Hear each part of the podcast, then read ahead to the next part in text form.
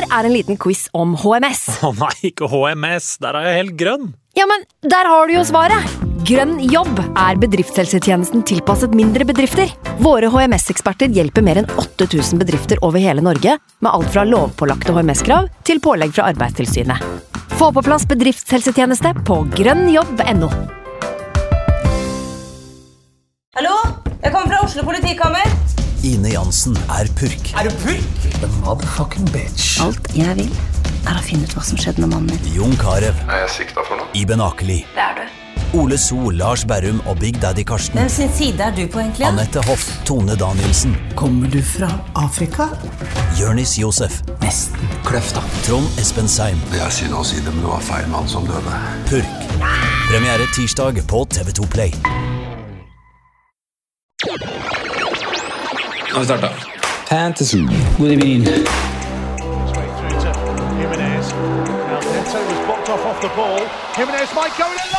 God evening.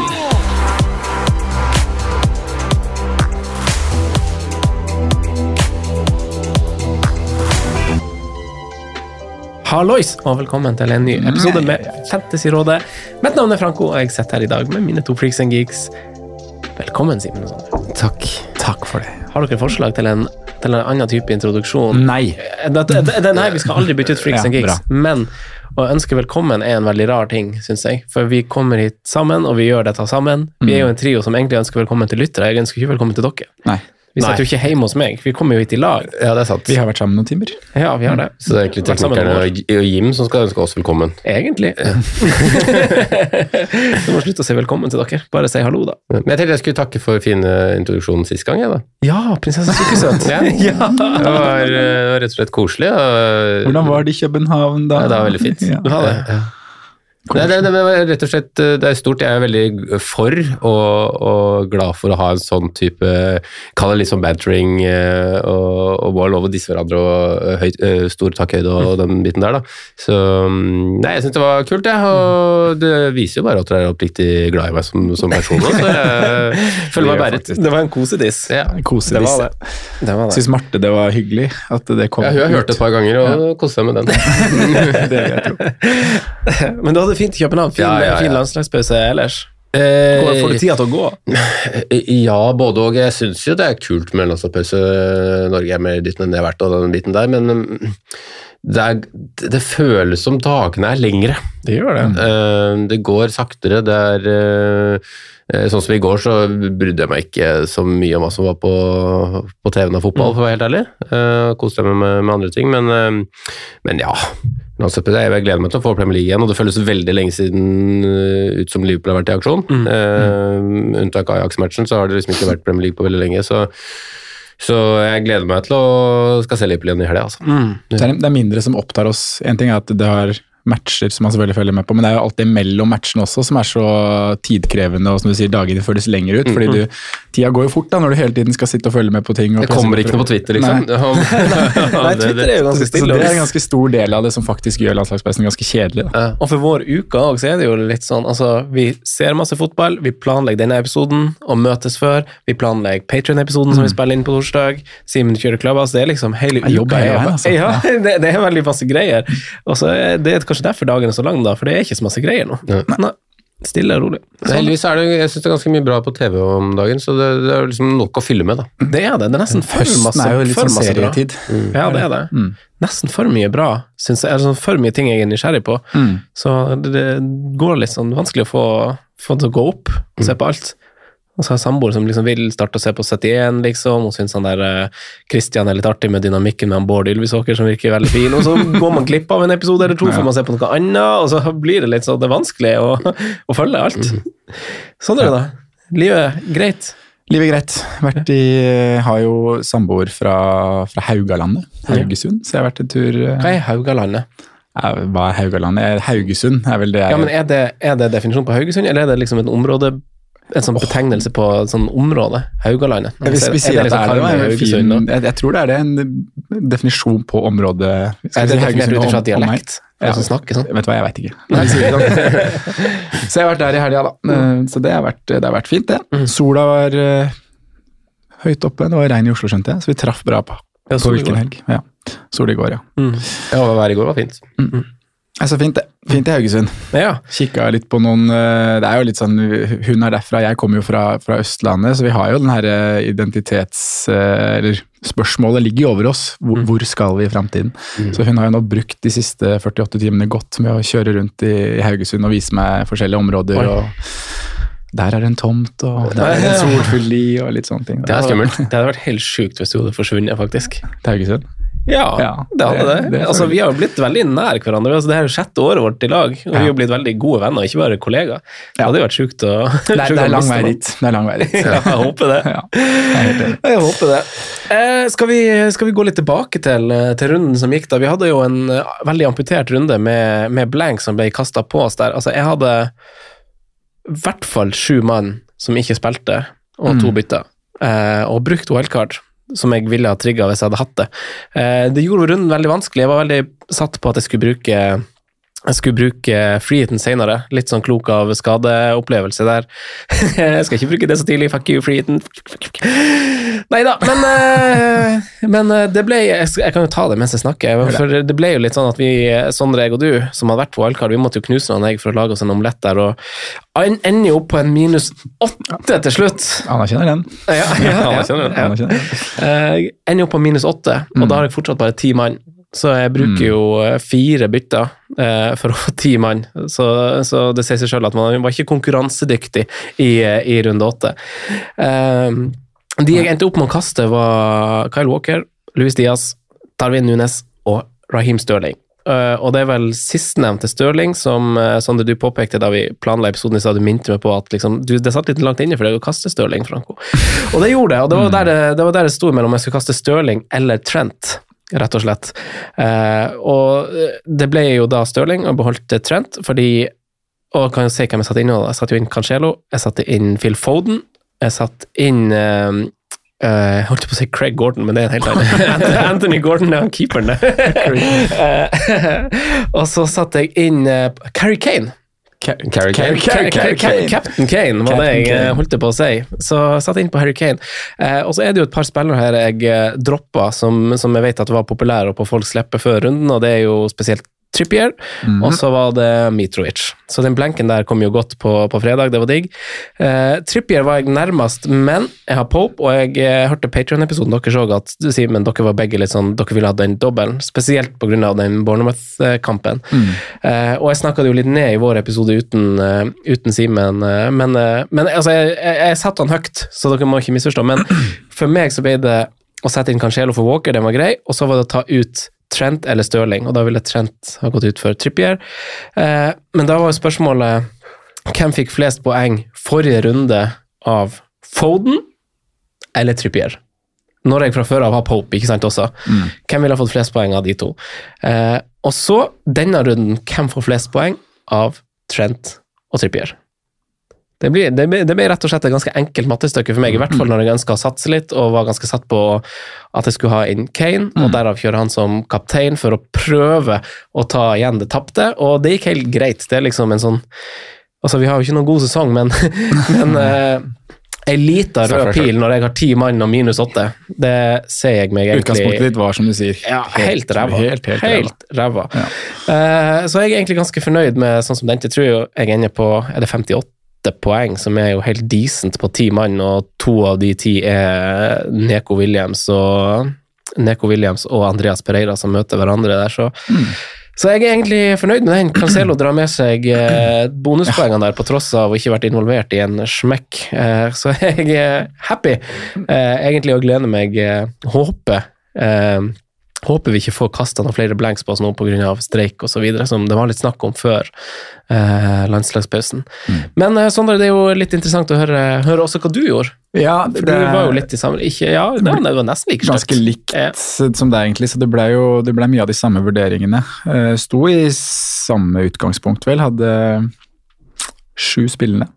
Hadde jo tre mann i Chelsea og tre mann i Liverpool. Så når den røyk, så var det liksom seks mann som forsvant der. Eh, I tillegg til det så var det jo Gross inne fra wildcardet, så han, han røyk også. Så det blei sånn uh, Gjennom uka så jobba jeg meg inn på at uh, det blir veldig enkelt å, å ta noen minus her, og det må til for å stable litt spillere. Så åtte minus også her, og fikk jo da elleve mann, da. Så litt mer konkurransedyktig enn deg, og følte kanskje at kastene det var ikke rett fram, det skal jeg ikke si. For jeg, jeg sto, det som var største vurderinga, og som egentlig ikke ble klart før, før uh, torsdag kveld, fredag formiddag, var om jeg skulle gå Harry Kane eller Kevin De Bruyne. For jeg var veldig gira på å kjøre Kevin De Bruyne inn, egentlig. Uh, så er det en liten prisdifferanse der som, som gjorde at totalpakka ble bedre, og for å få elleve spillende eh, så måtte jeg ha inn en forsvarsspiller, og da trengte jeg litt penger der, for jeg var ganske fast bestemt på at jeg ikke skulle kaste Trent og James. Mm. Um, men jeg kunne Og jeg, jeg ville jo heller ikke kaste Trippier, som jeg har satt inn på valgkartet. Og Neko Williams hadde jo kamp, så han var fin å ha, men da måtte jeg ha en, en billig forsvarsspiller da, som kunne komme inn for Fofana. Um, så det jeg endte med å, å gjøre da, var Fofana ut, uh, Gross ut, Stirling ut og Darwin ut. Mm. Uh, og inn med Patterson, Gordon, Foden og Harry Kane. De tre samme som du har der, da. Um, så, så, totalt sett så, så ble det egentlig en ganske god pakke. da, 64 poeng, 8 minus. Uh, Patterson drar inn en clean sheet der. Han er jo henta inn kun egentlig for å spille den kampen som var nå. Mm. Uh, så er det en som fint kan sitte på benken uh, utover sesongen. og Skal sikkert snakke litt om programmet til Everton seinere, men det, det er lommer hvor han kan spilles. hvis vi nå Han er jo skada, faktisk. da, Det skal jo sies at han har fått seg en smell nå i landslagspausen, så vi vet jo ikke helt status der. Mm. men Helt som flue i landslagspausen her, spillere. Ja, det er mange vi kanskje må ta en liten update på etterpå. Ja. Um, men ja, i hvert fall, da. Så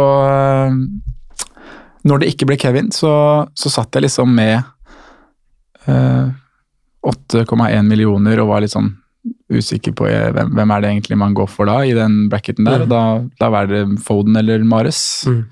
Landa på, på Foden. Um, Harry Kane inn som kaptein var også ganske Jeg følte det var ganske riktig når man hadde muligheten til å kapteine han i denne Mm. runden her, og ligger på tre millioner overall, så, så gjør man To. det. Ligger på to. Ja, ikke før runden. Nei, de, nei, jeg gjorde ikke det. Jeg gjorde ikke, jeg vet jeg, Tror det. Ja, Det går bedre enn du tror, det her. Det går bedre enn jeg tror. ja. Neida, så, så det var en grei sjanse å ta, følte jeg. Så jeg har faktisk grønn pil og opp på, på 2-3 overall. Ja. Nesten så vi kjører en april- applaus for det. Nå, Ja, nå er vi snart på sekssifra. Tenk om vi skal klare å jobbe oss inn på Vi kryper oss inn her, hæ? Men det er lenge siden runden var, da, så jeg husker ikke alle de vurderingene. egentlig. For det var jo Jeg var veldig solgt på at Mitrovic var riktig å få inn for Darwin hvis Kevin De Bruyne skulle være med, så jeg Mm. måtte droppe Mitrovic, jeg også, som Mm. du sier. Jeg husker du var ganske nært uh, De Bruyne. Ja. Jeg ville beholde både Trent praten, ja. og Diaz, egentlig. Um, Ja, du beholdt Louis Diaz. Du har to ganger Liverpool fortsatt, ja, jeg ville holde han, i hvert fall Brighton, og så kan man ta en vurdering etter det. Og Mm. så har jo Sala inn i tolv også vært en Det var egentlig en, et argument for å ha Kevin De Bruyne, da, for da hadde jeg enkel vei til Sala i Genvik 12. Ja, Vi må ikke glemme at det her var jo en del av vurderinga. Fordi det var jo vanskelig med bytta, og det er jo fortsatt vanskelig med bytta nå. Mm. For det er jo ganske kort vei til runde tolv, det er én ting, men vi måtte jo tenke veldig mye på hvem For vi hadde jo akkurat hatt wildcard, var i utgangspunktet fornøyd med laget. Mm. Så det er blenken som gjør at vi Altså, vi ville stille lag, eh, som gjorde at vi måtte gjøre sånn som vi gjorde, og så var det sånn Hvem kan man hitte ut, men fortsatt ha med videre? Ja. Og hvor mange City-spillere som kan man sette inn med tanke på at de blenker i runde tolv sammen med Arsenal? Mm. Så, så det, det må man jo tenke på. Eh, Sa som jeg kanskje ville satt inn istedenfor Foden, hadde jo ikke kamp nå, ikke sant? så Mm. det var en sånn bump, bump in the road. Mm. Så da valgte jeg å beholde Diaz, gir han Brighton, og så er vel egentlig planen min å gjøre Diaz til Saha i etterkant av Gameweek 9. Spare nå. Utgangspunktet var det planen, så får vi se hvor vi står om en time. Se, Simen, da, hva, hva endte du med? Du, var, du kjørte til og med ikke wildcard. Til og med ikke wildcard, og kom meg til elleve mann eh, på de tre gratisbyttene som man hadde, da. Mm. Eh, Med tanke på at det ikke ble noe av, eh, av Gameweek 7. Eh, Men burde vel kanskje gjort det jeg egentlig hadde, hadde tenkt, som var Mohammed Salah til Kevin De Bruyne, men endte med Pope, Trippier og Craig Gordon, Anthony Gordon, innenfor uh, Robertson, uh, Iversen og Pascal Gross. Uh, følte liksom at min edge her var egentlig å prøve å unngå minuspoeng, egentlig. Ja. Uh, og stille 11. Følte liksom elveren var fair enough, men det ble en gaming rank på 6,4 mil nå òg. Så mm. det glir ikke veldig, veldig godt. Så, men planen var jo også Jeg beholder jo Salah, beholder Trent. Planen er jo å angripe litt igjen på, på den fronten, og mange har jo liksom nesten måttet ha lagt ut spillerne på tvangssalg. Eh, og kaste det inn igjen nå til, til Brighton hjemme, som, som jeg tror skal bli en ganske grei skuring. Eh, selv med en ny Vi kommer til å prate kanskje litt om det etterpå, med, med de Serbi inn der og, og litt om nytt, uh, nytt Brighton, men eh, med såpass mye tid som, som Liverpool har hatt nå på å, å kunne trene og preppe eh, Mohammed Salah, som ifølge ryktene dro hjem fra lands- landslagssamling i går. Ja. Eh, Hva, hvorfor det? Nei, ja, Det var tydeligvis avtalt. Men Jeg er ikke sånn supergod kilde på det, så jeg skal ikke prate så mye om det. Men, men det virker sånn liksom at de aller fleste eh, virker klare, og at man begynner å få flere folk tilbake fra skader. Da, med, med Diogo Jota som, som ser ut til å være tilbake, med Thiago som kanskje har fått godt av en eller annen slags pause nå. Så mm, jeg tror, eh, jeg tror mange som har kasta Liverpool, skal få det litt tøft med, med den. da. Eh, så jeg håper liksom at det gir meg tilbake for å ikke gjøre Salah til Kevin den runden som var. da. For det var vel egentlig det som jeg hadde egentlig planlagt hele, hele veien, men så Det er alltid vanskelig å kaste Mohammed Salah, altså. Det her er jo en uh, artig posisjon vi er i. da. Det er jo artig å være i en angrepsposisjon. Og det blir artig å lage innhold framover, føler jeg, med, med det utgangspunktet. Jeg, jeg ser en fun fact her. Jeg måtte google Craig Gordon mens du snakka. Han, han fyller jo han fyller 40 år på nyttårsaften. Eh, og han er tilbake i Hearts. Jeg vet ikke om dere har hørt den eh, episoden med kompisen din, eh, Markus Fjørtoft. Jeg hadde han på besøk på Feilvendt, eh, Sondre, på den podkasten. Og da han sa jo at det er jo den kuleste stadion han noen gang har spilt på. Så hvis vi skal ta fotballtur til England, så får og se nei, til Skottland, sorry, for å se på Hearts. Men han kommer altså til å ha kontakt, kontrakt i Hearts. Den går ut i 2024, så han kommer til å være 42 i Ja. hvert fall. Ja. Yes. Craig Gordon han var en, en god på FM òg en periode. Ja, han var det. Ja. Far se på Hearts en gang, gutta. Se på Craig Gordon før han legger opp. Det må vi jo ha på Ja, bucketlisten. for han står, han spiller. Oi, det sjekker jeg ikke. Eh, her, er jeg, her jeg står, holdt jeg på å si. Han har spilt denne sesongen. Eh, seks kamper, seks innslupne. Hva, hva betyr det det er der? snitt. Et gult kort. Ja, nei eh, Sondre, vi skal videre i eh, programmet, og vi må snakke litt om eh, eh, perioden som, som kommer. For nå er jeg på en slags sånn halfway point, egentlig, ja, fram, mot, eh, fram mot et sluttspill, eh, altså VM. Så vi får jo en liten pause med frie bytter da. Så det er liksom, Kan hva man kaller det, fase to. Mm. Eh, perioden den skal vi snakke litt om i dag, og det skal vi jo også integrere en ny spalte. Ja, vi skal, eh, vi skal gjennomgå det som var eh, før sesongen-spaltene, hvor vi valgte oss spillere for de åtte første rundene. Eh, Vi skal gjøre det samme nå. Fra, fra Genvik 9 og fram til landslags- eller VM-pausen, som de sier, skal vi plukke ut nye spillere i, i hvert ledd til diverse makspriser som vi har plukka ut. Men før vi gjør det, så skal vi jo også Det blir jo en del, som du sier, vi skal inn i fase to. Og når man så for seg hvordan det her så ut før sesongen, så var jo det her en nå er det wildcard for veldig veldig mange. Eh, og Vi har hatt litt wildcard-fokus i de to siste podkastene. Det blir det også i dag. Eh, se på hvilke lag som får et programskifte, og hvilke spillere vi hadde tatt med oss på wildcard nå. Og du, Simen, kanskje skal ta med deg på wildcard eh, neste runde. Um, før vi gjør det, så skal vi også dykke litt innom lagene som har fått nye trenere. Og snakke litt om hva vi tror kanskje skjer der, med, med Potter inn i Chelsea og Di Serbi inn i Brighton. Da ble det ingen KK i, eh, på sørkysten av England, i Brighton. Eh, Det ble en annen mann. eh, Simen Potter har gått til Chelsea og hooka opp med sin gamle elev i Kukurea. Men nå har Brighton gjort som Brighton gjør, og ansatt en tilsynelatende litt ukjent mann. Eh, Hva er dine tanker rundt, eh, rundt ansettelsen? Jeg vet ikke om Billy Gilmore er like happy som Cucurella med den, eh, den byttehandelen der, men, eh, men, men det sier jo, sier noe. Nei, altså jeg, jeg, ingen av oss er vel eh, noen som følger ekstremt mye med på f.eks. Serie A, som kanskje er der De Serbi har utmerket seg mest. da. Men man har jo fått med seg på en måte at Sassolo har spilt eh, interessant fotball, at det liksom har vært en del spillere som har vært interessante der, derfra. Um, også at han, har, at han var i, i, i Shakhtar, som også alltid på en måte er en sånn joker, føler jeg, i, i Champions League. Og, og interessant. Så, så blir jo, det blir jo spennende å, å se. da. Jeg tror jo veldig mye av eh, det som har vært Potters Brighton, uh, har jo vært hans evne til å At laget fungerer som en helhet, og at han på en måte klarer å nesten maksimere eh, spillernes evne til å, å, få ut sitt potensial, da, samtidig som det funker taktisk, for han gjør så mye annerledes.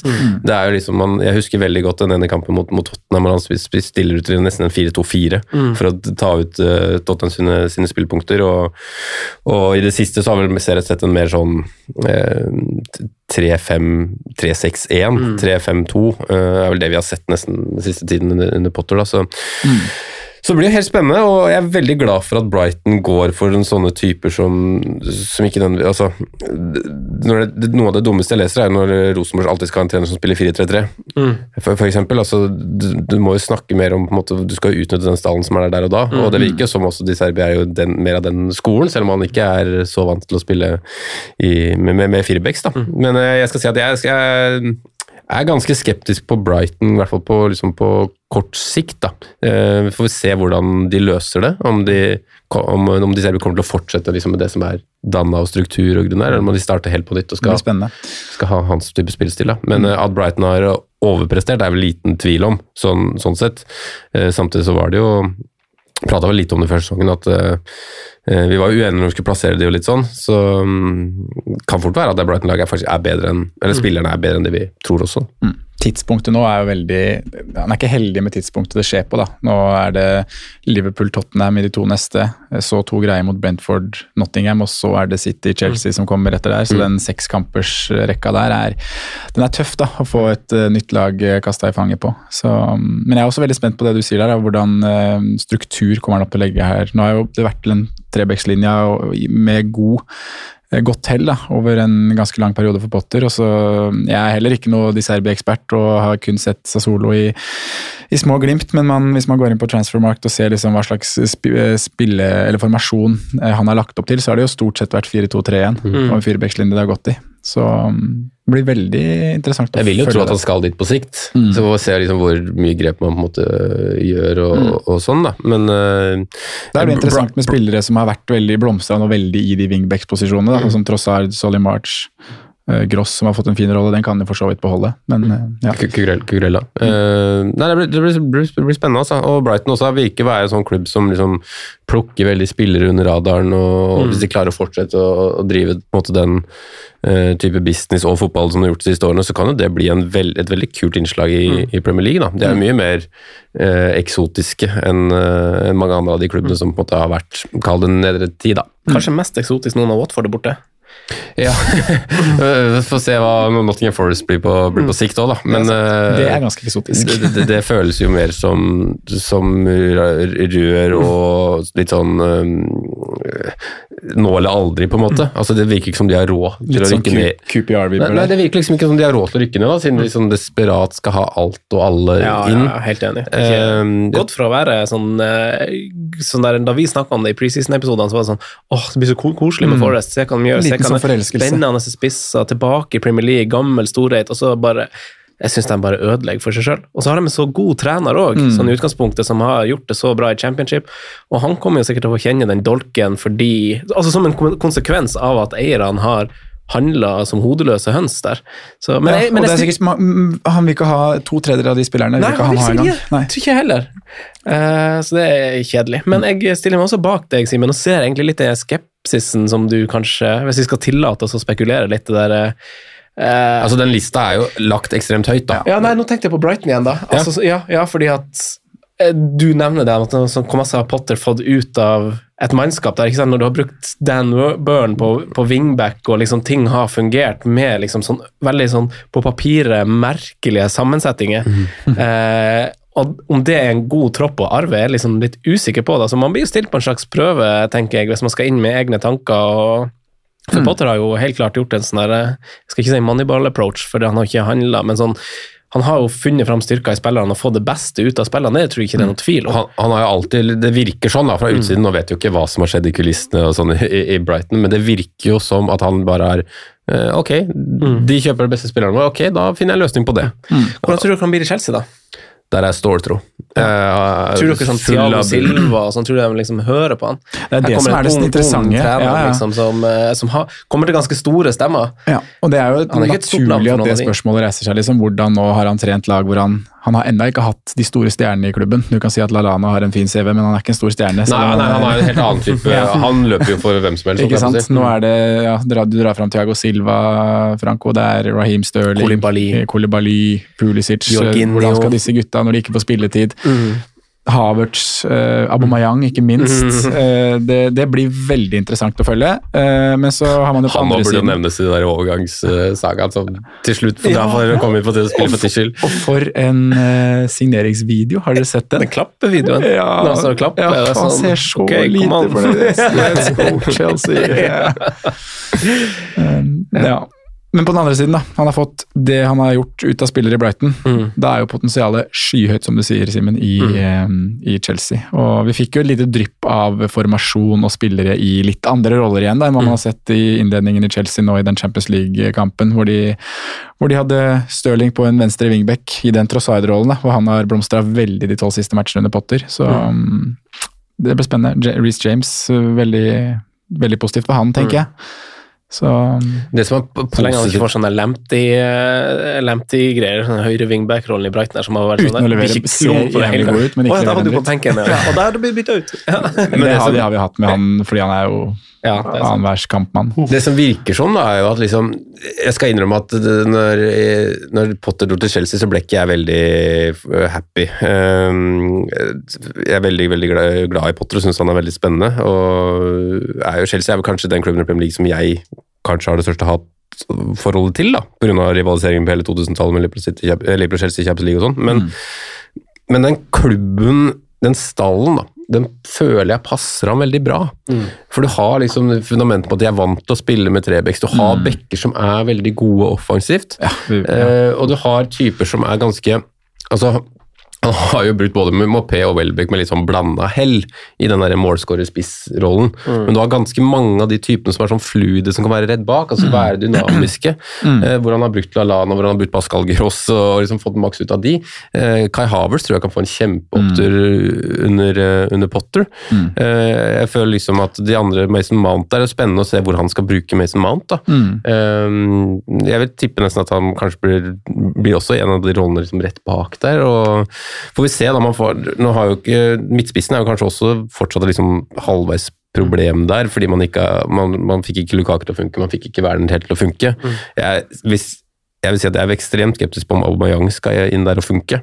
Ja, Eh, Stirling, som du sier, som har kanskje vært den målskåreren der, som skal kanskje ned igjen, men, men ellers så syns jeg troppen liksom passer ganske bra, altså. Og, det, og Chelsea har jo mange spillere å, å, ta. Plutselig tror jeg kanskje Conor Gallagher kan få en litt sånn ny vår inn i den, eh, det laget der. Jorginho kan være maestro. Nei, jeg Og derfor jeg var så keen på å beholde Stirling på det hittekjøret, for jeg så jo Han har jo hatt den der Champions League-kampen. Ja, mot Salzburg der. Ja, Ja. og Chelsea var, det, det var liksom bølgedal i den kampen, og Aubameyang er jo litt sånn som, som vi kanskje i gåsehudet frykter litt. da, altså sånn han er jo ikke en sånn kombinasjonsspiller. og sånn, Han må jo på en måte være den som kanskje Han er kanskje blitt den spissen som trenger å få ballen i boks. da, Få Mm. den i de riktige posisjonene. Han er ikke like kjapp lenger, ikke noe god i kombinasjon.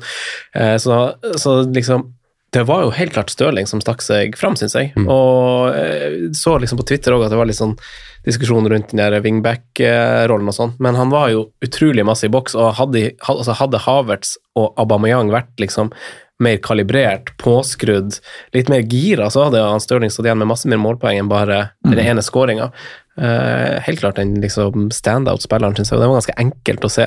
Så spennende å se hvordan han bruker han, for nå var han jo som sagt i den rollen, men og han liksom får en, får en rolle bak spissen òg. Om han får spissplassen, hvem vet. Ja, det, er, det er jo en Chilwell der òg, som Ja. ligger i bakhånd, Ja. som man glemmer litt, nesten, fordi Ja. han ikke har spilt Mm. eh, Kukurea og Chilwell har du liksom. Hvordan skal han bruke Plutselig bruke Ja, bruke Kukurea Kukurea, spil, Kukurea spilte vel i Trebeksen i den Yes. eh, Salzburg-kampen. Ja, det det Ja, stemmer det. stemmer. sånn- Plutselig gjør han det. Og den treeren er jo bunnsolid. da. Thiago Silva i midten, og så har du Kukurea og Fofana. Han spilte vel for så vidt ikke Champions League. Jeg synes ikke Thiago Silva ser bunnsolid ut lenger. Altså.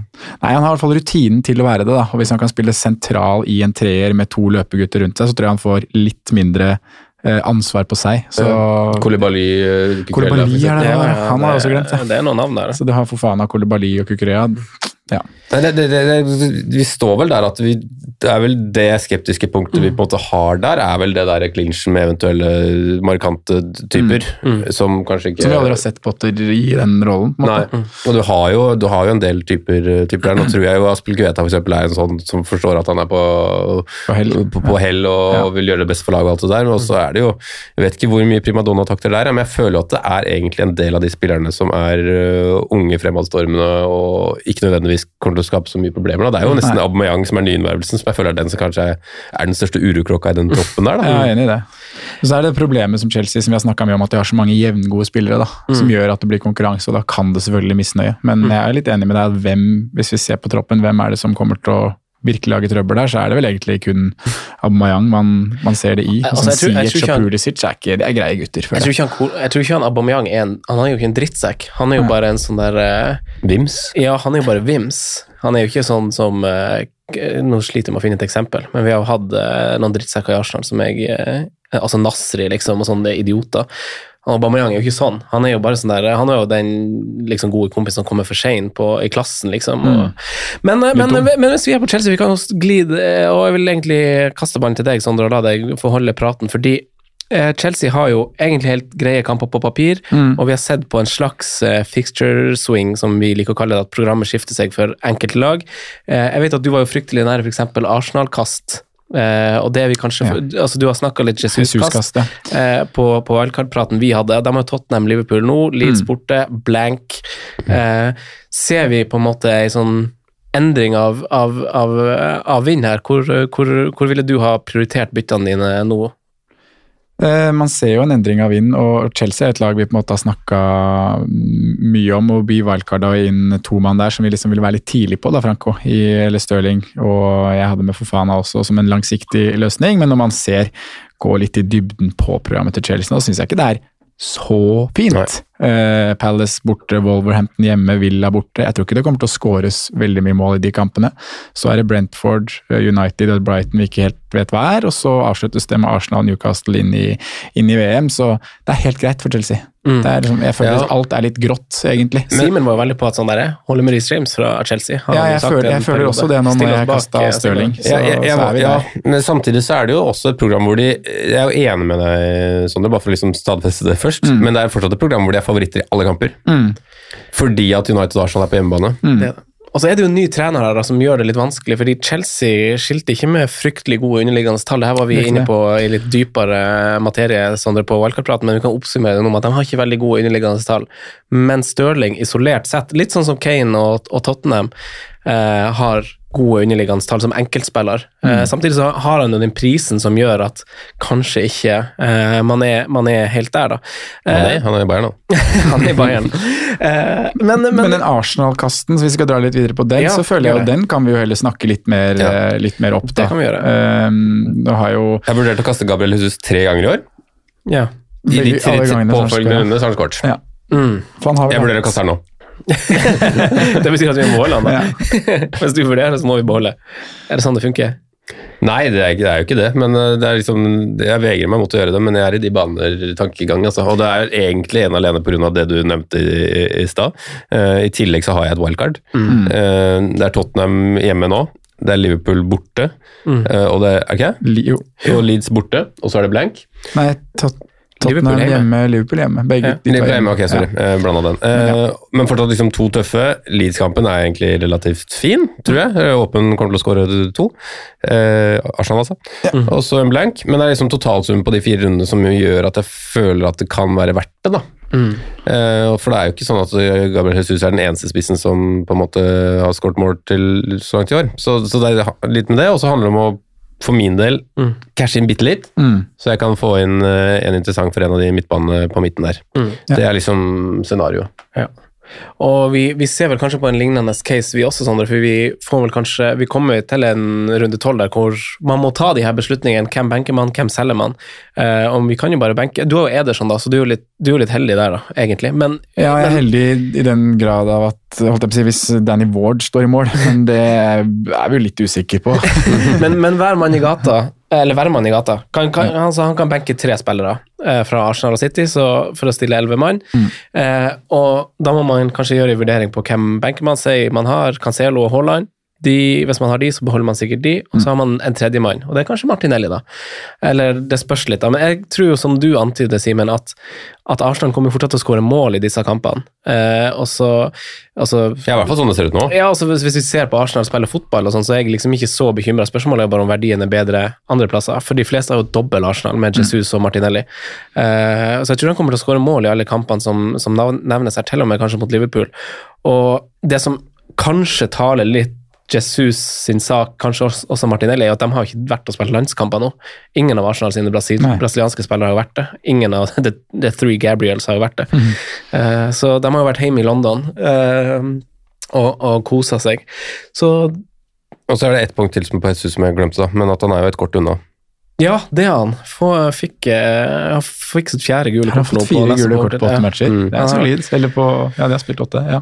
Det er veldig sant. Men jeg føler jo liksom den approachen til kanskje Si man tar Tottenham og Liverpool-kampene sånn, da, altså kommer det til å bli 2-2-3-3-matcher, eller tror man liksom blir målfattige stillingskriger som, som blir eh, Der ligger jo litt premisset for hvordan det er. Jeg er veldig spent på, eh, på Arsenal-Tottenham. Og Det kan fort bli wow, sånn det kan bli kul match nå, altså. Eh, for der har liksom begge lag er i litt dytten, eh, og liksom ja, nei, Den gleder jeg meg skikkelig til, som, som ser. Og, der håper jeg jo at vi får en sånn gal Mathias 2-2-kamp med rødt kort i begge leirer og full kaos. Men jeg, fryk, jeg frykter mer litt at vi får en mer sånn stillingskrig.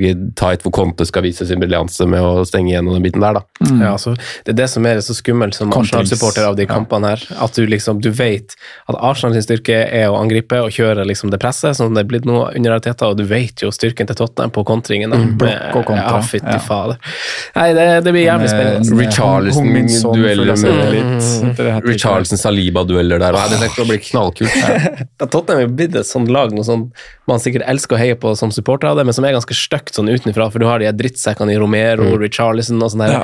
Harry Kane, ikke minst. Ja, han er litt skjult drittsekk, han òg. Ja, ja. Men, men, Chaka inni der eh, skal Og krige litt. Og, nei, det kan bli en skikkelig kul match. Men, eh, men andre lag som vi har kikka til og prata om ei stund, vi har eh, som, som er aktuelle, da, for vi har jo noen lag som er ferdig med stygge program, Forest, Bournemouth f.eks. eh, men vi har kanskje, kanskje Leicester òg, egentlig kjempefine kamper, men som vi velger å ikke snakke opp. Av James åpenbar- Madison vil jeg snakke opp. Ja, kjør. Han, eh, han ville jeg hatt på et wildcard nå, tror jeg. Og han har jeg også sett på å få inn selv, selv om jeg, jeg tror ikke jeg klarer det. Eh, Med, med en da Sala-plan i Gameweek 12, så må jeg prioritere byttene mine veldig riktig. Det er det der som er skummelt med å låse planer. Det er det. Fordi du kan liksom Jeg kan gå glipp av tre tolvpoengere på, Ja. på Madison mot Tror du mer eh, kortsiktig tenking hadde lønna seg enn å, tenke, enn å bekymre seg for Genvik 12? Tror du at det Erfaringen er jo det, faktisk. da, At uh, Hvis man tar litt Ikke er så opphengt i at i runde tolv må jeg få inn han og han. Mm. Så det her har vi jo sett gang på gang på gang når vi driver og planlegger til blanks, for, blant annet. Mm. Man kaster han fordi han har blank da, og så får en masse poeng opp mot blanken. Mm.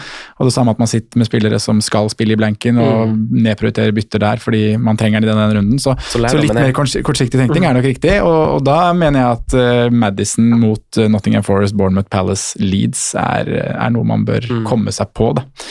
Eh, For Men meg jeg så så, jeg så denne kampen Jeg så ikke Tottenham-kampen. Jeg så bare Nei, jeg så deler av Tottenham-kampen, for jeg hadde jo Kane som kaptein, men det klaffa litt dårlig. Men jeg så Brighton-kampen. Mm. Da var jo Jeg vet ikke om dere husker det, men da var Leicester skikkelig dårlig. Hvordan De skåra etter 20 sekunder, det. ja, de har, vært, ja, de, ble- ja, de har vært skikkelig dårlige i hele år, Leicester, egentlig. Ja, Eh, Madison har kanskje vært et lyspunkt. Elleve baklengs på to siste.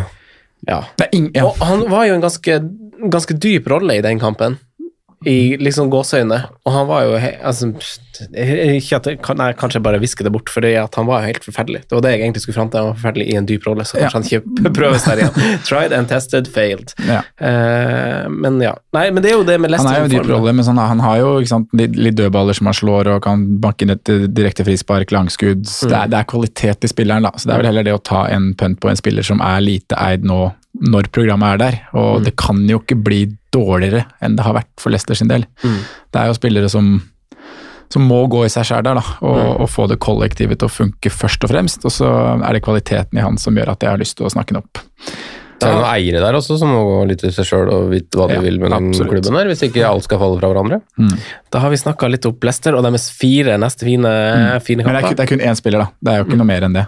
Nei, For, nei. fra Leicester. Det er jo, de, bakover Det er- er det jo drit og Og så har vi jo vi har et par lag som på en måte Ikke på en måte, men som ikke har fått den der svingen helt ennå, og, og et av dem er jo Palace, for Mm. de har jo Chelsea nå eh, i eh, oppkommende kamp, og så, og så blir det jo fint for Pelles. Det er en rekke av gull, og det fortsetter jo egentlig også etter, etter VM og de frie byttene, så har de fine kamper.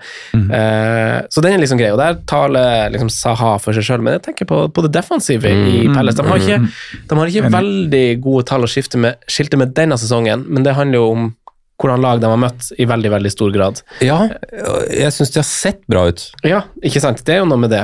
Og- Altså liksom hele lagets sammensetning Ja, og enig. ja. Enig. Så, men de, der koster jo alle fire-fem, og det er jo ingen som peker seg ut sånn veldig masse sånn offensivt, eh, sånn hvis du ser på underliggende tall og skal prøve å finne den, den wingbacken som er masse i boks. Mm. de har ikke det, liksom. Nei. Nei, de har vel den høyrebekken med dårligst innleggsfot i hele Premier League. Joel Ward. Nei, Nathaniel Klein. Nathaniel Klein, Ja, for han har kanskje spilt der i det siste, han. Ja, han har vel spilt Ja, han koster jo ja. Har dratt med seg seks begge åra. Ja, han har kanskje det. Eh, så så det er, det er ikke veldig masse å snakke opp. Det er ingen av dem som har liksom veldig masse Men begge stopperne har jo, syns jeg, vist glimt av at de kan skåre på dødball eller sånne ting. da. De har jo liksom luftstyrke, og Andersen har jo en Andersen har kjempepasningsfot. vært en av de beste Skulle- ja. stopperne i sesongen. her. Skulle man sjanser på at det blir til en målgivende en av de her diagonalpassene? At han får Det det liksom til på Saha, at han avslutter sjøl, Ja. Mm. Wilfred Saha der. Mm. at den diagonalpasninga blir til en billig assist, Ja. det hadde vært noe. Så Kjøre Saha tar han det helt bredt og drar seg innover og banker den i, i lengste. Det kan fort skje, altså. Du er helt nede på 4-3. Ja, han er på 4-3! Ja, ja, ja, ja. Yes. Det er jo et enkelt kjøp. Og slik Veldig jeg tolker det, så selv om Andersen har vært kanskje den, en av de beste stopperne i år, så vil jeg jo tenke at han er den sikreste på en måte bak der, da, Gray. egentlig. ja, ja. Gray. Ja. Ja. enig. Han er er ikke han kaptein nå? Men begge de to er jo rimelig Ja. sikre. Er Chris Richards er vel ganske langt bak. Ja. Nei, fine navn å trekke opp, og fint at du påpekte 4-3, for jeg skrev 4-4 her. Det er han ikke lenger. Det var han forrige gang vi prata. Eh, Jeg skal ha på Saha, det er liksom det jeg, jeg har venta på det når jeg tok wildcard. Så droppa jeg jo Saha pga. at de neste kampene var litt småtøffe, syns jeg. Så venter vi til Chelsea er ferdig, og så kan vi få på Louis Saha Lu, Ja, Louis Ja. Saha for Louis Diaz. Louis Saha. Wilfred Saha for. Louis Diaz. Jeg skulle gjerne hatt Louis Saha. Apropos Louis Saha, det er jo et annet lag som han har spilt i, som også har ganske godt godt program, og en god spiss. Eh, Fulham, Ja, dem! Der er jo Mitrovic. Er det tida nå? Har tida vært? tida har vært, men, Men jeg tror det, ikke det er et, for seint. er det også et lag For Saha og Mitrovic i sine respektive klubber er veldig enkle valg, men liksom skulle man ha, sånn som du har valgt å doble i Everton, da, Sondre er, det, er dette lag man kan, man kan, kjøre, man kan kjøre dobla i? Uh, Følte jeg har vært der før. Doble Everton. Michael Keane, Andrew Gray Andrew Gray, sier jeg nå blir det mye. Damarai Gray. Det. Sorry. det, det er en Andrew Gray òg. ja. Det er han, Det er han som har vært i fengsel. Watford-spissen, er det ikke det? André. Andrew Gray, ja. Ja. Burnley og Watford og ja. Men jeg satt med Michael Keane og Gray i fjor. Sitter med Patterson og Gordon i år. Men eh, Everton skal du ikke le av, da. De er jo formlag nummer én for tida. To strake seier og ingen baklengs mot Liverpool og Westham. God på uavgjort. Ja, ja, ja. Men, eh, men eh, vi har snakka opp det defensive i, i Palace, det er fint. Men defensivt i Fulham, da? Er det noe, altså, jeg vet jo dere har begge talt litt Fulham sin sak, at, og jeg stiller meg egentlig litt bak også det, at det har jo vært et lag som framstår ganske bra, da. Mm. Eh, hva tenker du, Simen? Er det noe man kan kikke til defensivt der? Eller er det, er det Mitrovic og that's it? Og Pereira? for så. Skal vi triple opp i Bernt Leno, keeper? Ja, jeg mm, syns ikke det er det det dummeste kan gjøre. Samtidig så syns jeg liksom Pope for en uke siden har han gått opp i pris, altså hvis du ikke har kommet deg dit ennå, men at liksom han har vist virkelig at han er liksom det beste alternativet per nå. da. Men jeg, jeg har jo egentlig prata opp litt Fulham hele tida, at jeg synes de har tilsynelatende gjort gode signeringer og den biten der. Um, nå spiller vel fortsatt, eh, fortsatt Tim Ree, men det er vel nesten bare spørsmålstegn når Diop kommer inn i den forsvarsfireren, når Mbabu kommer inn i den forsvarsfireren. Så tror jeg liksom det blir mer eh, defensivt. Fafinha har jo sett helt amazing ut. Han har, vært, din- han har vært en av dine favoritter i år. Ja, han, jeg syns han er helt strålende. Men Men han, han er suspendert neste, suspendert, ja. Men uh, jeg, jeg, jeg føler meg veldig trygg på at Fulham kommer til å klare seg denne sesongen her. Uh, og Jeg tenker jo det er et godt tegn at spillere som du, du nevner, du kan legge Kursava også inn i, i ja, der er jeg mer skeptisk, men ja. Ja, men, ja, men sånn at, at sånne spillere ikke har starta noen kamper, eh, Mbabu og Diop og sånn, det er jo et tegn på at man er fornøyd med det man ser, tenker jeg, og at det går bra. Det er deres plass å miste, på en måte, de som spiller der. Men William, da? Rett inn og tar cornerer fra Andreas Pereira. Dunker inn målpoeng. Hæ? Tar cornerne fra fire-femmeren vår. Nå Ja, er er verdien borte fra Andreas. Nei, det er den ikke. Men uh, William til 5-5 i det kampprogrammet der, er det litt sexy, eller? Jeg tror ikke jeg skal på William i år, altså. Jeg, må si det. jeg føler meg egentlig mer enn nok happy med å, stå med en uh, 4-5 midtbane og Mitrovic. Mm. Eh, det er Vent, sånn på Harry Wilson, du. Venter på Harry Wilson. Uh, sliter han, altså. Det spørs om han kommer i, kommer i gang. Uh, skal bare stå nå? Expected back 13.11, så det blir ikke så noe kjempemye før eh, Det blir ikke noe før blir ikke da. noe Ses i romjula. Få et lite innhopp der, og så boksing det, Ja. Han blir ditt valg blant Men, men der har du jo dødballfot nummer én, da, i Fulham. I Fulham. Mm. Ja, det er det fort vekk, sikkert. Den skal jeg ikke argumentere imot. Det sliter du med, tror jeg. Argumentere, argumentere litt imot på, på, på Harry Wilson generelt, men på, på foten hans det skal jeg ikke gjøre. Eh, Men er det andre lag dere har sett dere ut programskiftet? Det er liksom de lagene jeg har notert meg at jeg ville snakke om, og gjøre lyttere bevisst på at Mm. kanskje det er noe mer enn bare den åpenbare. Hvis, man skal, hvis man skal se litt framover, ta en liten sjanse, ta, altså gjøre noe litt for For vi kommer jo til oss nå, når folk er på wildcard, folk har vært på wildcard, så kommer lagene til å være heldigvis litt mer annerledes enn det de var fra runde én. Jeg tror jeg gjør en råsjanse på en lag du, du nevnte vel i forbifarten, men du nevnte ikke så mye mer, og det er Bournemouth. Eh, Jeg tror jeg skal på Dominic Solanke. Å, så gøy! Eh, Jesus ut, Solanke inn. ja, det er den jeg ser på for også for til Louis Diaz da, til Brighton-matchen. Ja, du skal sette på Louis Diaz nå. Har de ansatt noen nå? Er det fortsatt han Gary O'Neill? Ja, det er vel det. Det er vel det. Eh, og, og da er det liksom, med tanken min, da, så er det jo uh, et firerundersperspektiv, hvor jeg skal da wildcard meg tilbake til Arsenal og City etter blanken. Eh, Få med meg tre hjemmematcher der og en full en borte på, på Dominic. Uh, ta straffer, og jeg tror jo han kommer til å skåre en stor prosentandel av Bournemouth sine skåringer. Så er spørsmålet er hvor mange kommer det fra Bournemouth. Det er jo det er hele poenget her, men han er råbillig. Jeg tror han kommer til å fram til eh, nesten til VM-pausen være sånn cirka likeverdig på mange av de sju-åtte spissene. Så det tror jeg blir en råsjanse fra meg. Altså er kanskje Jesus han er kanskje et bedre kast enn Martinelli dersom man ønsker å fortsette å ha Arsenal på benken gjennom runde tolv. Fordi Jesus har jo sunket i verdi, så han er jo tilbake på ground zero nå, mens Martinelli har jo på en måte gradvis gått opp. Ja. Så du får på en måte Du slipper å selge og kjøpe tilbake dyrere, på en måte, men med Jesus så kommer du sikkert til å kjøpe billigere. Ja, planen min er jo så, sånn grovt, da, så er jo det å kjøpe Jesus når jeg wildcarder meg inn i Game 13. Ja. Og så det er liksom de fire kampene som pratet, vi prata om eh, Jesus sin sak i stad, altså hvor Ikke nødvendigvis at det er sjukt skeptiske, Nei, for han har gode tall, Arsenal er god. ja, men at vi, jeg tror ikke han skårer fem da på de tre. Nei. Eh, Jeg tror for så vidt ikke Solanke skårer fem heller på de, på de Men du har en differanse på to millioner, da. Ja, og så kan jeg få med det er ganske, den andre opphoppet, som kanskje er, eh, som er, er kjipt da, for det er Anthony Gordon som må ut igjen. Men Anthony Gordon opp til Louis Diaz tror jeg gjør mye, da. Så det, det er Robert du, du ser på nå. Ja. Ja. Jeg har veldig lyst til å stå med en trippel i Liverpool nå. Og er du altså. får, så får du fortsatt ha med deg Ward og Bailey og de gutta du har blitt så glad i, som Ja. fortsatt kan være på laget. De Ja. blir med. Det- det Eh, jeg skulle gjerne gjort noe med, med, med Leon Bailey, altså. men da mener jeg på 7-7 mitt. Da. Da, jo, da blir det Sa, da, men da blir det en runde for tidlig på Sa. Da. Ja, Det Ja. går, det jo. det går an, det. Det her er ikke er- krise med, med Chelsea. Det her er litt sånn artig episode, eller en litt merkelig episode å spille inn, altså etter en, i en landslagspause, og når vi ikke har en runde å se tilbake på. Det føles ikke så ferskt, da. Nei, det gjør ikke det. Og, og du har ikke de tallene å skilte med fra helga som var. og Sånn, men det, sånn det, jeg husker du også snakka om eh, Wolverhampton. Mm. Og det er jo et lag som selvfølgelig har veldig gode defensive tall, og jeg er spent på om du skal ha dem på, på spalten din etterpå, om noe defensivt derfra. Eh, men der er jo Diego Costa inne. Ja. Og vi har en Guedes som setter god ut i, i det laget, i tillegg til at de har gode defensive tall, og også forsvarere som har sunket i verdi. Eh, Og en keeper som kanskje da kan være aktuell. eh, Nå er det Pope som er fortsatt favoritt, men eh, José Sa kan man, eh, kan man fint kaste inn i den keeperdiskusjonen, syns jeg. Selv om, han, selv om han jo koster litt mer, da. 5-3. Men Diego Costa, det, det er wait and see.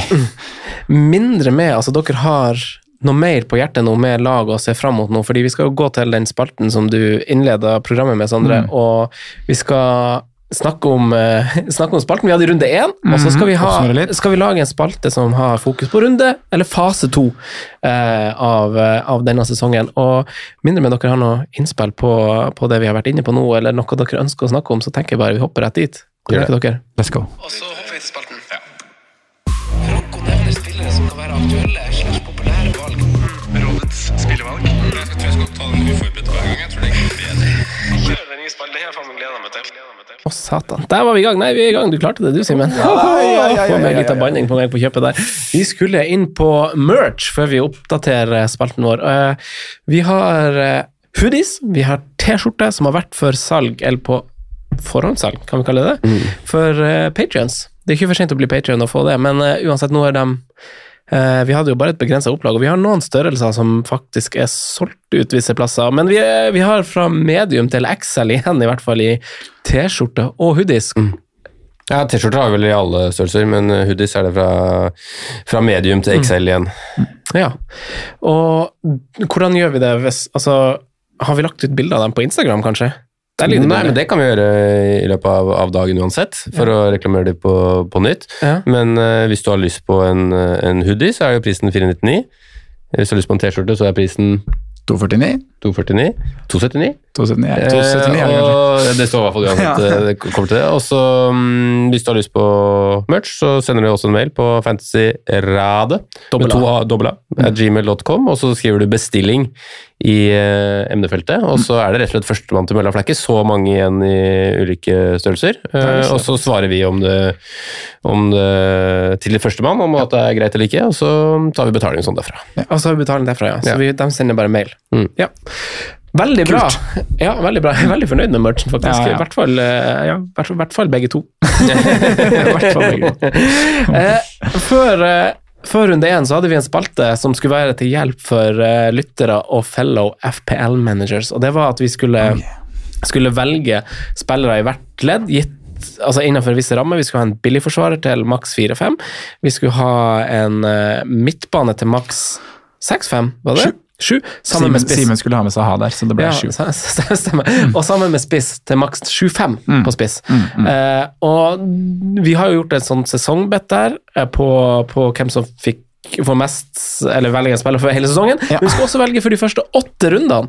Eh, og vi skal velge for de neste rundene fram mot VM nå, eh, som blir et slags direkte tips fra oss eh, inn mot, inn mot VM-et og de frie byttene. Men oppsummere nå, Sondre. Hvem, eh, hvem eh, Skal vi ta forsvarerne først?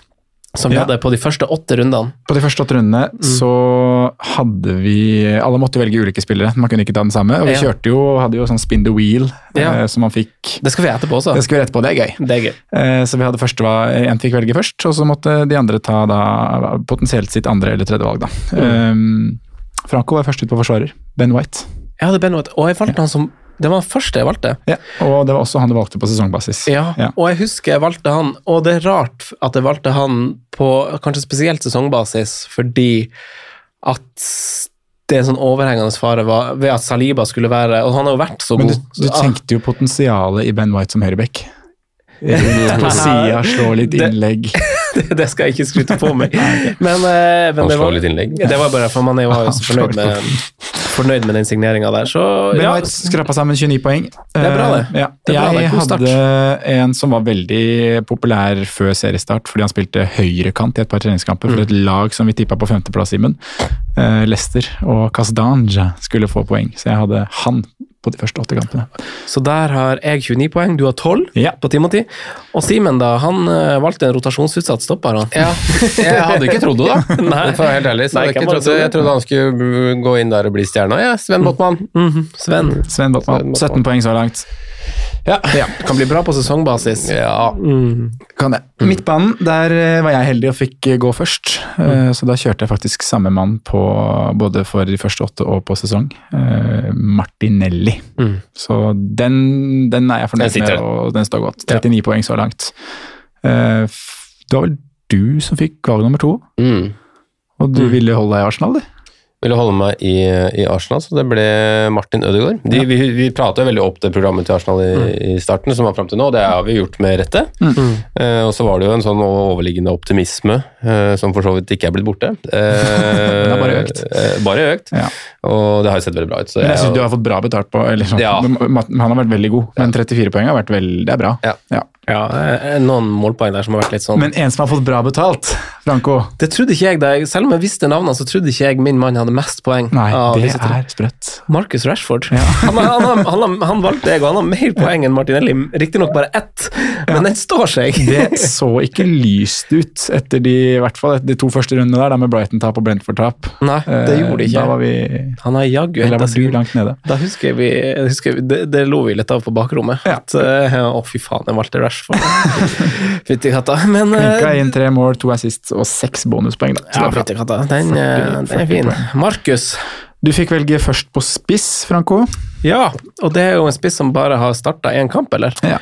Eh, som jeg hadde trua på. Og laget har jo vist seg å være, være bra. Ja, det er litt det vi Eh, kanskje håpa at det skulle bli. Ja, på mange eh, måter. men det er jo en annen spiller som på fantasy har vært out of position, som vi kaller det, som har stått som midtbane og spilt som spiss der. Mm. Som det du hadde jo valgt, kanskje. Eller det er rart du ikke valgte på midtbaneplass. Ja, jeg, jeg, hvis man hører Ikke at noen kommer til å høre episoden om igjen, så er det jo Jeg snakker jo opp han også. Ja.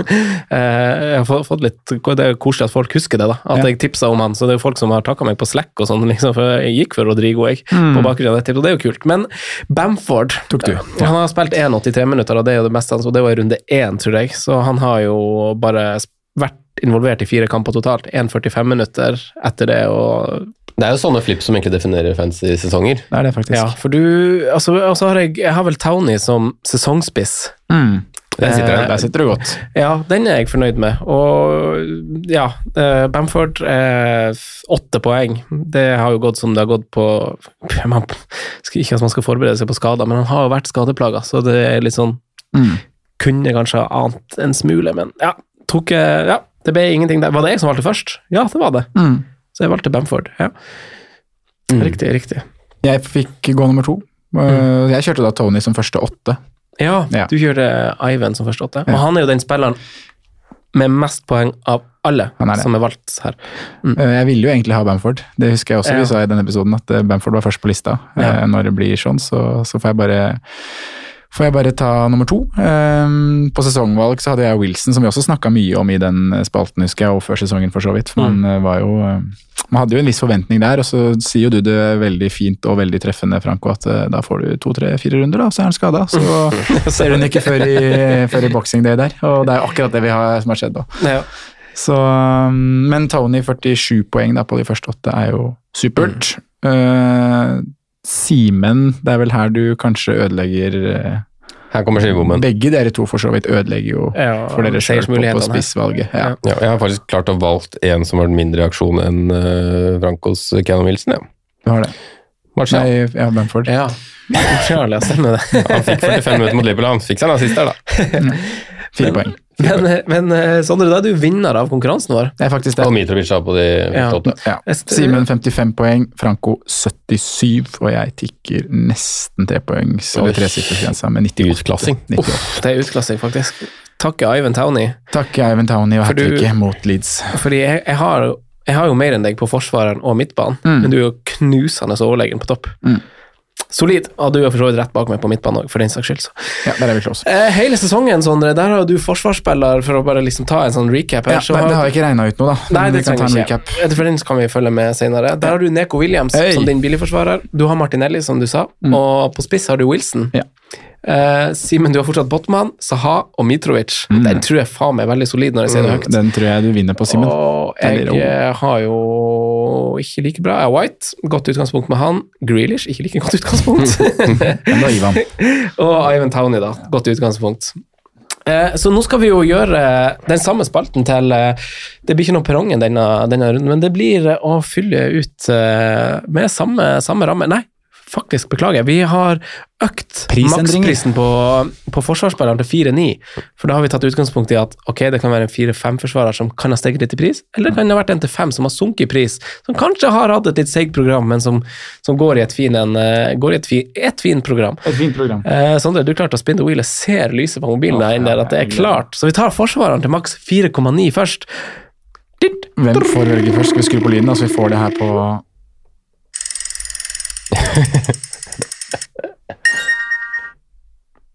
Sondre. Nei! Så er jeg nummer to. Simen Vi går sånn. Ja, Ja, det er det vi, vi gjør. vi gjør det. Ja, ja. Vi går ikke goofy. Vi går ikke mot hulka. Nei. Ehm, vet du hva, Valget mitt ble faktisk litt til Jeg hadde skrevet opp uh, GUI før, uh, okay. før uh, vi gikk inn i studio her. Så jeg står for det, og det ble bare underbygga når vi kom inn på Palace i stad, og prisen 4-3. Ja, for Du får jo ikke ekstrapoeng for det, men det er jo et argument. Det er, et argument, det, er et godt, det er et veldig godt valg, Ja. syns jeg, sånn, ehm, for de som er på wildcard, og drar med seg ham som en uh, tredje, fjerde eller femte Ja. forsvarer. Så jeg kommer til å gå for han, altså. GUI. Du kommer til å gå for Gui. Han hadde jo selvfølgelig også skrevet her, men jeg, jeg har vært usikker på hvem som skulle være mitt, eh, mitt førstevalg. Jeg kan jo spille med Legge kortene på bordet her nå, mine, er mine to kort. Og de, de, de jeg står imellom, er, er en fullhjemforsvarer, Fulham-forsvarer, Mm. ja, uh, Wolverhampton og Fabian Scheer. Og det blir, det blir ikke snaute. Ja. Jeg var også veldig på Palace, øh, men jeg, når du tar Palace, så gidder jeg ikke å gå Andersen for litt om øh, konkurransen. Eh, så jeg går Diogo Dalot. Diogo heter han det? Ja. Hadde han på lista òg, faktisk. Og du hadde Diogo. GUI. Gui. Du skriver ned, Franco. Ja, nå skriver jeg ned så slipper å høre på Dalot, apropos landslagspause nå, to skåringer for Portugal, så. Ja, det har ikke jeg fått med meg engang, men det, det lover bra, det. Jeg mener det. Det er jo en steak jeg. Er. Spinner, spinner på, på midtbanen. Midtbanen. Jeg har vært uheldig på det der, altså. Ja, du har faktisk det. Men Simen, din dag er kommet. Du skal få velge først. Nei, da jeg sist. Også på et så åpent felt da, som Ja. den midtbaneplassen. Men øh, det blir rapperen. Zap Maxime. Å, det blir det, ja. Ok. Den er gøy. Ja, ja, ja, Den er gøy, den er gøy. Den er gøy. Ja. Hold kroppen hans, da. I åtte, åtte runder, eller hva det er. Ni. Nei, det er mindre. Gameweek 9 til 16. 9, 10, 11, 12, 13, 14, 15, 16. Åtte runder. Åtte-ni runder. Ehm, ok, du kjører rapperen. Mm. Ja.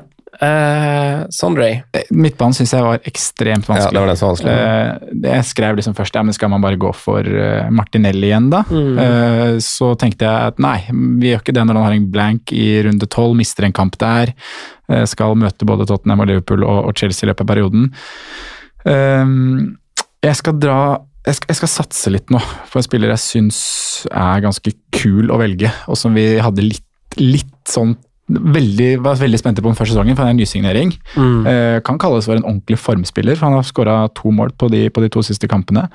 Eh, enda ikke spilt fulle 90 minutter i ligaen. Er på vei inn i laget sitt i Leeds. Eh, koster 6-5 og heter Sinistera. Å, det er kult. gøy! Jeg synes Det er kult å ta han også fordi han ikke er nevnt i episoden. Ja. En er spiller som vi eh, Som jeg egentlig, når du spurte om jeg hadde mer å si i stad, så Mm. Jeg venter, jeg, jeg tar det her nå. Ja, ja. Så Sinistera eh, blir det for min del. Og Fint. Leeds er et fint program, Mm. og han har vært veldig lovende de to siste kampene. Han så jeg ikke engang. Spent på, spent på kropp, bare. Da er det jo uh, Sinister, da. Da er det jo min tur, og jeg uh, Granit. jeg, har jo, jeg har jo en lytter og en eh, det, det er jo artig at du nevner han. eh, For det er en, eh, en lytter av podkasten, en fyr fra Finse som heter Tobias, som har han på laget sitt. Han var på Patrion-samlinga vår. Ja. Og jeg vet ikke om dere så det, men han hadde jo selvfølgelig målgivende også nå til Gabriel Jesus. Men det er jo fordi at han har en helt annerledes rolle nå òg. Så det er jo litt sånn humor bak det, men det er litt sånn Å ja, han er jo altså, Ikke et reelt valg, men Mm. eh, skjønner at du har han på draftlaget ditt, liksom, når du er åtte mann i draften og trenger en mann til å spille. Eh, men jeg, eh, jeg har ingen grunn til å, til å dolke min mann eh, Markus i ryggen, så jeg fortsetter med Rashford. det har du ikke. Nei. jeg, jeg, jeg vurderte også noe Arsenal eller, Arsenal eller City. Hva, det, hva du sa nå? Nei, det var fint. Hva sa Ja, han synes bare det er alle dager. Markus Rashford? Nei, det, er jo ingen, det, du har ikke noen grunn til å Kan si han. Anthony Marcial der borte. La oss komme oss på spissplasser. Men Ja, får men det er dunka. Har ikke noen grunn til å ikke tro på han mer. Nei, det er sant. Vi spinner siste. Jeg vil ikke ha først. Jeg tror det er dagen min, ja. Ja, det er dagen din, Simen. Det er det det er. Nå, nå blir du sittende her med Marcial til slutt. Det blir ikke noen andre å ta. Men det er vanskelig. Spiss er vanskelig, selv om jeg vet hvem du kommer til å ta. maks 7-5. Det gjør det. Det blir din mann. Hvis du skal Ja. bytte Å Mitrovic. Ja. ja. Feig. Mitrovic på Simen. Solanke, Simen? Ja. Å ja. Faen. Sondre. Eh, Mitrovic på Simen, ja. Det var jo det man hadde skrevet ned, det. ja. Fem av åtte hjemmekamper. Ja. Ja, ja, ja, ja, ja. Det er Craven de skal ta poengene sine. ass. Sondre, da. ja. Eh, Det står mellom to her nå, som jeg har jo sagt, sagt navnet på han ene. Du kan si dem høyt, da. Ja. Um, Solanke. Og Nei. jo, Solanke er en av de. Ja. Og Tony er selvfølgelig der. Han er, er han innafor i pris? Ja, 7-5. Er ikke han akkurat innafor, ja? Jo, han er kanskje det, da. Skal jeg dobbeltsjekke det, da. Ja, 7-2. Ja. Ja. Eh, ja, han er der. Uh, og så var det for å liksom kaste inn en joker som også ikke er nevnt i episoden, men som ikke er like sexy som Sinistera. Men uh, Aston Villa og Ollie Watkins har et Ja. kjempefint program. Vi har snakka Ja, fordi Villa har ikke vært så god. Nei, de har ikke det. Så det har ikke vært så god grunn til å snakke om de. Nei. Men han spiller nå kamper, han. Men nei, det, jeg har samme argument som du drar med Rashford, Franco. Ikke jeg noen god grunn til å ikke velge Tony Nei. igjen. Så det blir Eivind Tony. Da blir det Alexander Isak på meg. Mm. Mm. Sexy. Vurderte jo også Bjarne Johansen, som jeg valgte å kalle han Brennan Johnson. Ja. Bjarne er god. Bjarne. Bjarne Johansen Nei, det blir Alexander Isak. Så da Fin, er det, det var jo en, en av flere som falt som fluer i landslagspausen. Isak har vel dratt hjem fra, Ja, fra han har dratt hjem. samling. Åh, skal jeg ende på samme spisskjør som forrige gang? Colin Wilson skal inn og levere en lysende periode fram til, jul. Ah. Ikke troa på Solanke, altså? Jeg var veldig nære. Var det? Ja. Ja. Jeg syns det er en artig pønt. Ja, det er artig pønt. Men uh, da takker vi for laget og uh, ringer inn denne episoden med og ønsker lykke til. Lykke til. Ny planleggingslykke. Lykke til, lykke til, lykke til. Og bestill merch på mail. Ha det. Straight through to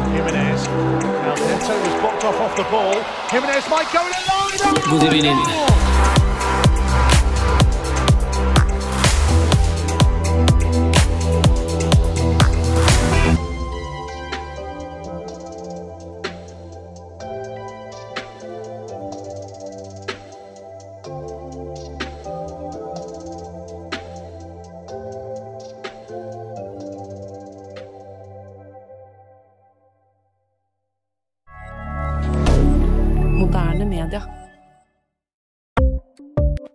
Ukens annonsør er Folio, en smartere banktjeneste for deg som har en egen bedrift eller ønsker å starte for deg selv.